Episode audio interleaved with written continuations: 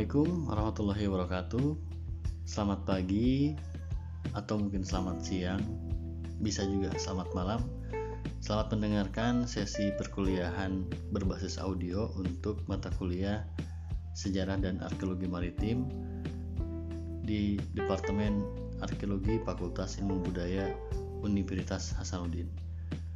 Pada materi kali ini, kita akan menindaklanjuti pembahasan terkait dengan kajian arkeologi maritim.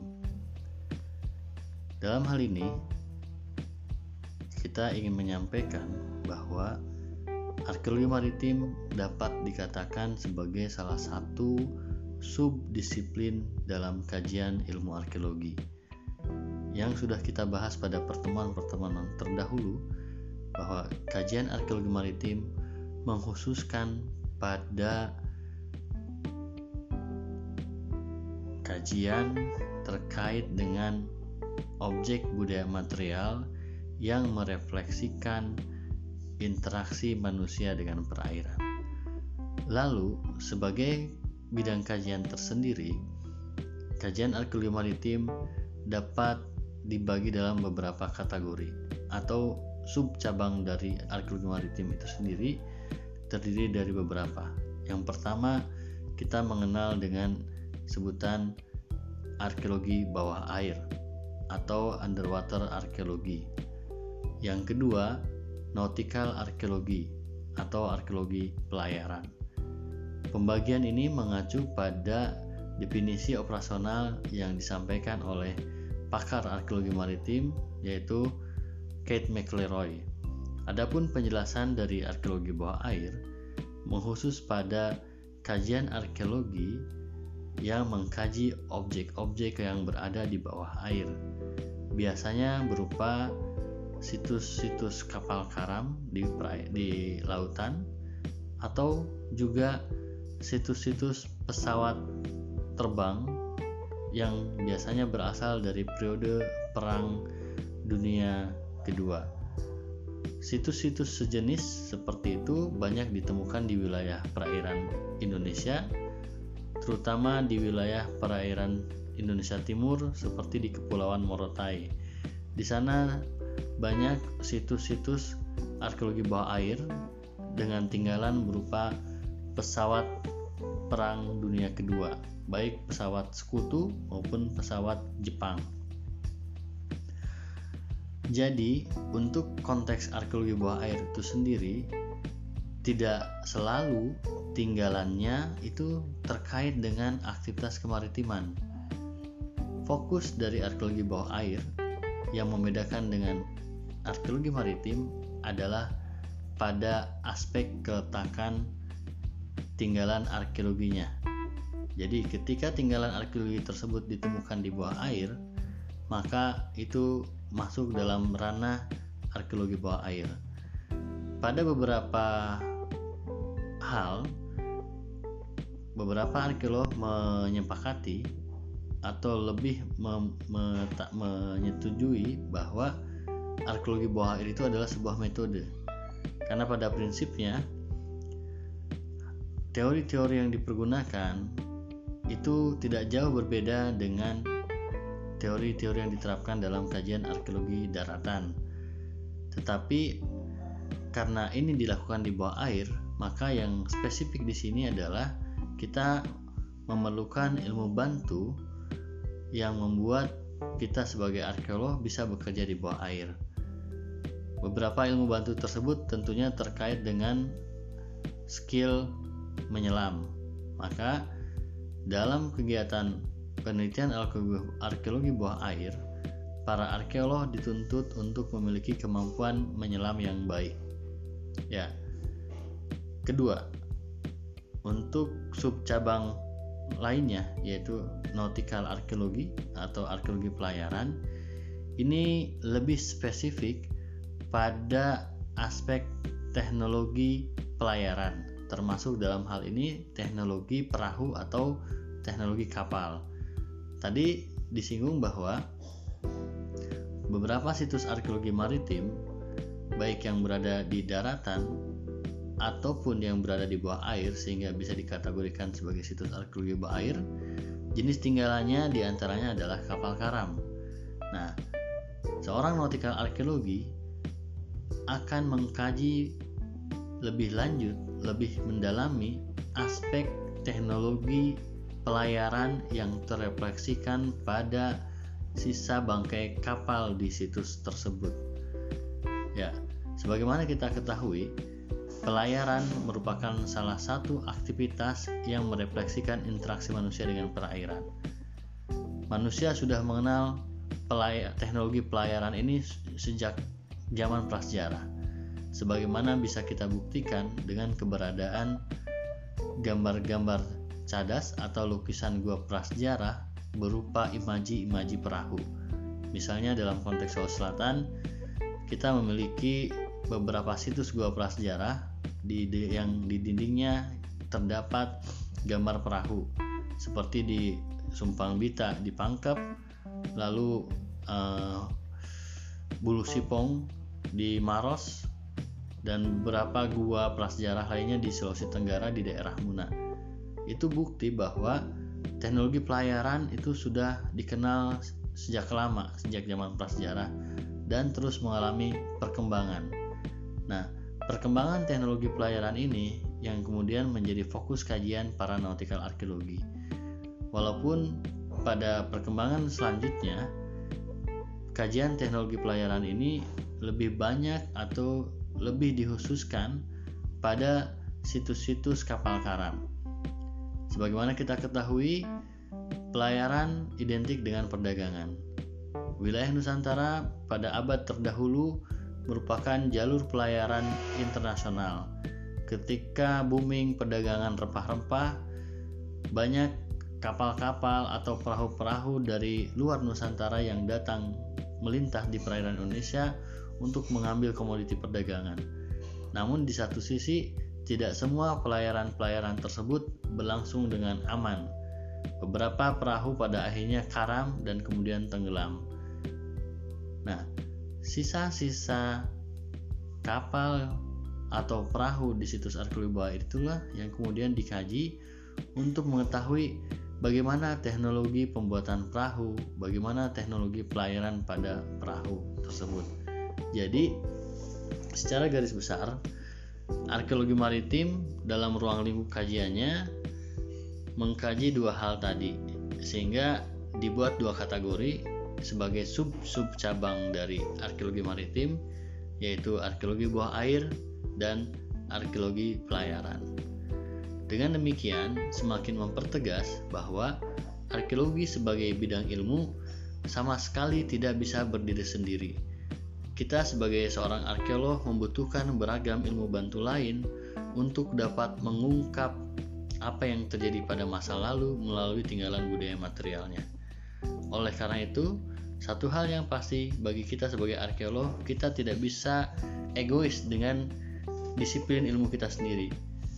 Kita harus terbuka untuk mempelajari pengetahuan-pengetahuan di luar bidang ilmu arkeologi agar kita bisa mencapai tujuan atau paradigma dari ilmu arkeologi dalam upaya kita untuk merekonstruksi sejarah manusia masa lalu, rekonstruksi tata cara hidup manusia masa lalu, maupun proses penggambaran budaya. Ya, inilah gambaran singkat untuk sesi pertemuan kita kali ini. Untuk lebih lanjut, seluruh peserta mata kuliah saya harap bisa membaca buku arkeologi maritim yang ditulis oleh Kate McLeroy silahkan anda dalami silahkan anda pelajari ini hanya sebatas trigger saja semoga apa yang disampaikan bisa dipahami dan sebagai akhir dari sesi penyampaian materi secara lisan ini silahkan bagi yang ada ingin bertanya terkait dengan tema kajian ini bisa menyampaikan pertanyaan tersebut melalui grup WhatsApp. Demikian, terima kasih atas perhatiannya. Sehat selalu. Wassalamualaikum warahmatullahi wabarakatuh.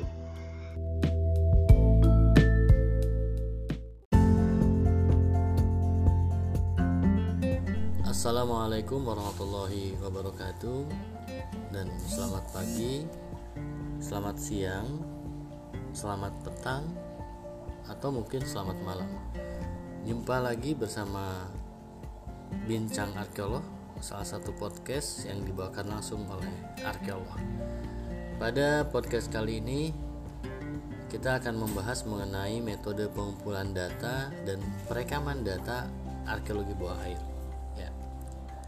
Di Indonesia dikenal istilah arkeologi bawah air sebagai terjemahan dari underwater arkeologi yang mencakup pengertiannya lebih sedikit dibandingkan dengan arkeologi maritim. Di mana arkeologi bawah air, ruang lingkupnya lebih dikhususkan pada semua materi peninggalan budaya yang tenggelam atau berada di bawah air baik itu berupa sumur, sungai, danau, dan tentunya juga laut. Misalnya kapal beserta muatan yang karam, struktur benteng, gerabah, keramik, atau bahkan sebuah bekas kota yang tenggelam. Nah, sebagaimana penelitian arkeologi lainnya, dalam penelitian arkeologi bawah air, tahapan pengumpulan data merupakan bagian penting dalam proses penelitian. Ada banyak perbedaan tipe penelitian sebelum para arkeolog ke lapangan, yaitu pengetahuan tentang lokasi situs atau keadaan alam dari daerah tersebut yang nantinya akan membantu dalam program kerja di lapangan. Hal tersebut meliputi berbagai macam, di antaranya berupa pencarian arsip, pengenalan situs, dan yang terakhir adalah persiapan untuk penelitian di lapangan. Jelasnya, jika seseorang keluar lapangan, maka seharusnya dilengkapi dengan sebanyak mungkin informasi yang tersedia tentang situs dan daerah sekitarnya. Selain itu, sebaiknya untuk mempunyai atau membuat suatu skala besar untuk memetakan survei yang dimaksud.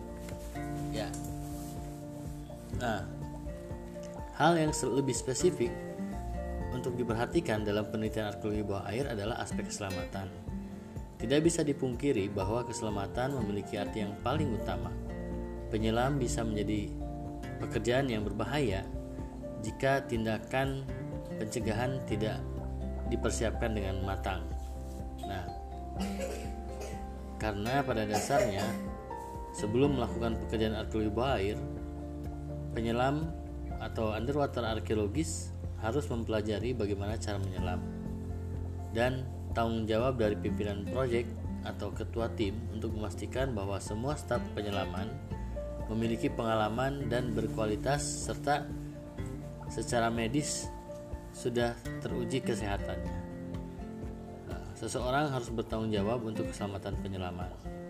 Staf penyelaman harus dipastikan bahwa mereka itu sehat kondisinya dalam kondisi sehat ada surat keterangan dokter yang memastikan atau menjamin kondisi kesehatan para penyelam yang akan terlibat dalam penelitian arkeologi bawah air ya seperti itu lalu bagaimana tahapan dalam penelitian bawah air yang pertama tahap pengumpulan data tahap pengumpulan data bisa berupa kegiatan observasi Observasi di sini adalah observasi dalam bentuk pencarian data pustaka atau survei pustaka tentang tinggalan arkeologi air dan daerah penelitian yang akan menjadi dasar dalam merancang metode pengumpulan data lapangan. Ya. Jadi ini standar data pustaka kita bisa memanfaatkan berbagai macam sumber termasuk sumber online. Lalu setelah pengumpulan data pustaka baru kita melaksanakan pengumpulan data lapangan biasanya dalam bentuk survei. Uh, tahapan yang dilakukan yang pertama berupa pencarian situs. Ya, pencarian situs di sini maksudnya adalah areal atau batasan situs. Setelah kita mendapatkan informasi ada titik lokasi sebuah situs arkeologi bawah air, maka kita akan melakukan survei pemetaan untuk menentukan uh, luasan situs mengacu pada sebaran artefaknya. Ya. Biasanya salah satu teknik yang dilakukan yang diterapkan yaitu sistem banjar linear atau dan sistem banjar melingkar. Sistem banjar linear dilakukan dengan pertimbangan daerah penelitian memiliki tingkat kejernihan air yang tinggi dan dapat diamati langsung dari permukaan air. Teknik ini dilakukan dengan cara para penyelam sekaligus peneliti menempatkan diri pada jarak tertentu, kemudian bergerak bersama-sama ke satu arah dalam satu garis lurus sampai pada batas yang ditentukan. Sedangkan sistem banjar melingkar Sistem ini dilakukan pada perairan yang memiliki jarak pandang yang pendek. Adapun caranya yaitu para penyelam menempatkan diri pada jarak tertentu. Kemudian dengan cara berbanjar melakukan pencarian dengan mengelilingi suatu titik yang telah ditentukan dengan membentuk radius pengamatan yang semakin lama semakin membesar. Nah, setelah kita memastikan sebaran situs, maka kita mulai menentukan penentuan titik situs atau letak astronomis yaitu dengan teknik baringan kompas dan dengan plotting astronomik. Teknik baringan kompas dilakukan dengan cara menarik dua buah garis dengan azimut tertentu dari dua titik pada fitur darat yang telah dibidik dengan menggunakan kompas. Teknik ini dilakukan terhadap lokasi yang jauh dari pantai. Fitur darat yang biasa digunakan biasanya berupa perbukitan, puncak gunung, celah gunung, dan semenanjung, dan sebagainya. Sedangkan plotting astronomik dilakukan terhadap lokasi yang berada di laut lepas, di mana garis pantai tidak kelihatan. Teknik yang paling efektif di era sekarang tentunya dengan menggunakan GPS atau Global Position System. Nah, setelah di plotting kita akan memberikan tanda atau penandaan lokasi. Kegiatan ini sangat bermanfaat untuk memberi tanda di permukaan air terhadap lokasi tinggalan arkeologi bawah air tersebut, sehingga nantinya akan mudah untuk ditemukan kembali. Biasanya tanda tersebut berupa pelampung atau sesuatu yang mengapung yang dipasangkan dengan tali ke lokasi tinggalan. Hal ini kadang perlu diperhatikan dengan seksama. Kita harus mengkoordinasikan dengan pihak keamanan laut agar lokasi tersebut tidak disalahgunakan khususnya oleh para pencari harta karun yang melakukan pelanggaran secara uh, etika maupun pelanggaran undang-undang cagar budaya. Poin berikutnya adalah identifikasi dan deskripsi temuan. Nah, keadaan lingkungan yang berada di bawah air membuat personel penelitian harus memiliki kemampuan penyelaman.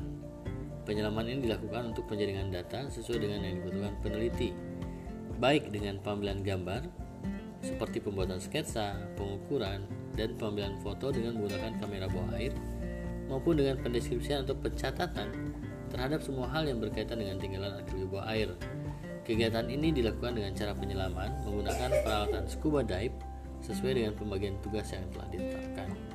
Nah, itu adalah tahapan pengumpulan data dalam kegiatan penelitian scuba air yang notabene tidak terlalu jauh berbeda dengan metode pengumpulan data di darat. Hal yang membedakan adalah penggunaan peralatan selam yang memungkinkan arkeolog bekerja di bawah air. Jadi demikian uh, gambaran singkat metode pengumpulan data dalam penelitian arkeologi bawah air yang tentunya saya harapkan dapat mendorong khususnya peserta mata kuliah bawah air untuk mencari lebih lanjut sumber belajar terkait dengan pengumpulan data arkeologi air. Terima kasih telah mendengarkan. Assalamualaikum warahmatullahi wabarakatuh.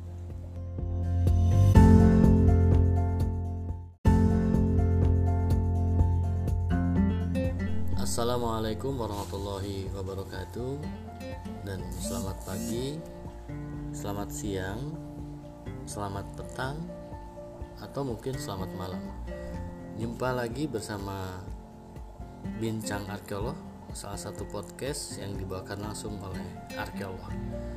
Pada podcast kali ini Kita akan membahas mengenai metode pengumpulan data dan perekaman data arkeologi bawah air di Indonesia dikenal istilah arkeologi bawah air sebagai terjemahan dari underwater arkeologi yang mencakup pengertiannya lebih sedikit dibandingkan dengan arkeologi maritim.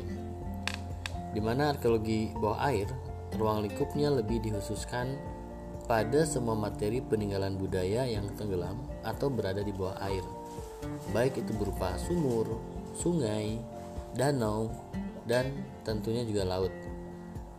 Misalnya kapal beserta muatan yang karam, struktur benteng, gerabah, keramik, atau bahkan sebuah bekas kota yang tenggelam. Nah, sebagaimana penelitian arkeologi lainnya, dalam penelitian arkeologi bawah air, tahapan pengumpulan data merupakan bagian penting dalam proses penelitian. Ada banyak perbedaan tipe penelitian sebelum para arkeolog ke lapangan, yaitu pengetahuan tentang lokasi situs atau keadaan alam dari daerah tersebut yang nantinya akan membantu dalam program kerja di lapangan. Hal tersebut meliputi berbagai macam, di antaranya berupa pencarian arsip, pengenalan situs, dan yang terakhir adalah persiapan untuk penelitian di lapangan. Jelasnya, jika seseorang keluar lapangan, maka seharusnya dilengkapi dengan sebanyak mungkin informasi yang tersedia tentang situs dan daerah sekitarnya. Selain itu, sebaiknya untuk mempunyai atau membuat suatu skala besar untuk memetakan survei yang dimaksud. Ya. Nah, hal yang lebih spesifik untuk diperhatikan dalam penelitian arkeologi bawah air adalah aspek keselamatan. Tidak bisa dipungkiri bahwa keselamatan memiliki arti yang paling utama. Penyelam bisa menjadi pekerjaan yang berbahaya jika tindakan pencegahan tidak dipersiapkan dengan matang.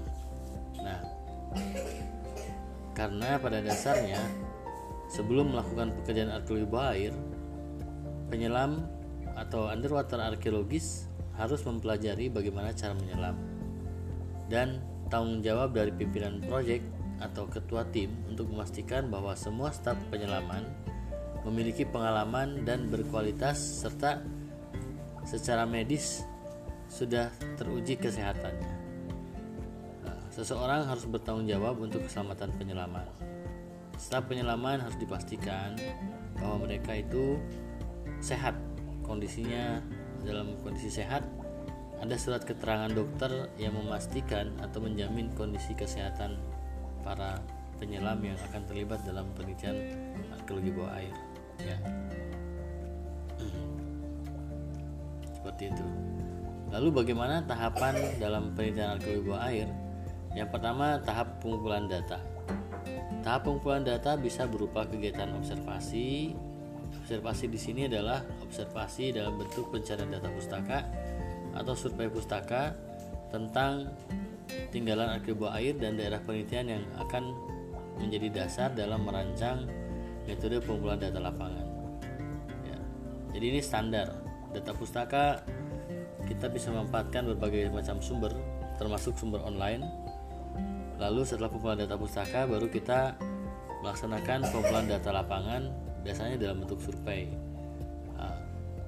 tahapan yang dilakukan yang pertama berupa pencarian situs ya pencarian situs di sini maksudnya adalah areal atau batasan situs setelah kita mendapatkan informasi ada titik lokasi sebuah situs arkeologi bawah air maka kita akan melakukan survei pemetaan untuk menentukan uh, luasan situs mengacu pada sebaran artefaknya. Ya. Biasanya salah satu teknik yang dilakukan yang diterapkan yaitu sistem banjar linear atau dan sistem banjar melingkar. Sistem banjar linear dilakukan dengan pertimbangan daerah penelitian memiliki tingkat kejernihan air yang tinggi dan dapat diamati langsung dari permukaan air. Teknik ini dilakukan dengan cara para penyelam sekaligus peneliti menempatkan diri pada jarak tertentu, kemudian bergerak bersama-sama ke satu arah dalam satu garis lurus sampai pada batas yang ditentukan. Sedangkan sistem banjar melingkar Sistem ini dilakukan pada perairan yang memiliki jarak pandang yang pendek. Adapun caranya yaitu para penyelam menempatkan diri pada jarak tertentu Kemudian dengan cara berbanjar melakukan pencarian dengan mengelilingi suatu titik yang telah ditentukan dengan membentuk radius pengamatan yang semakin lama semakin membesar.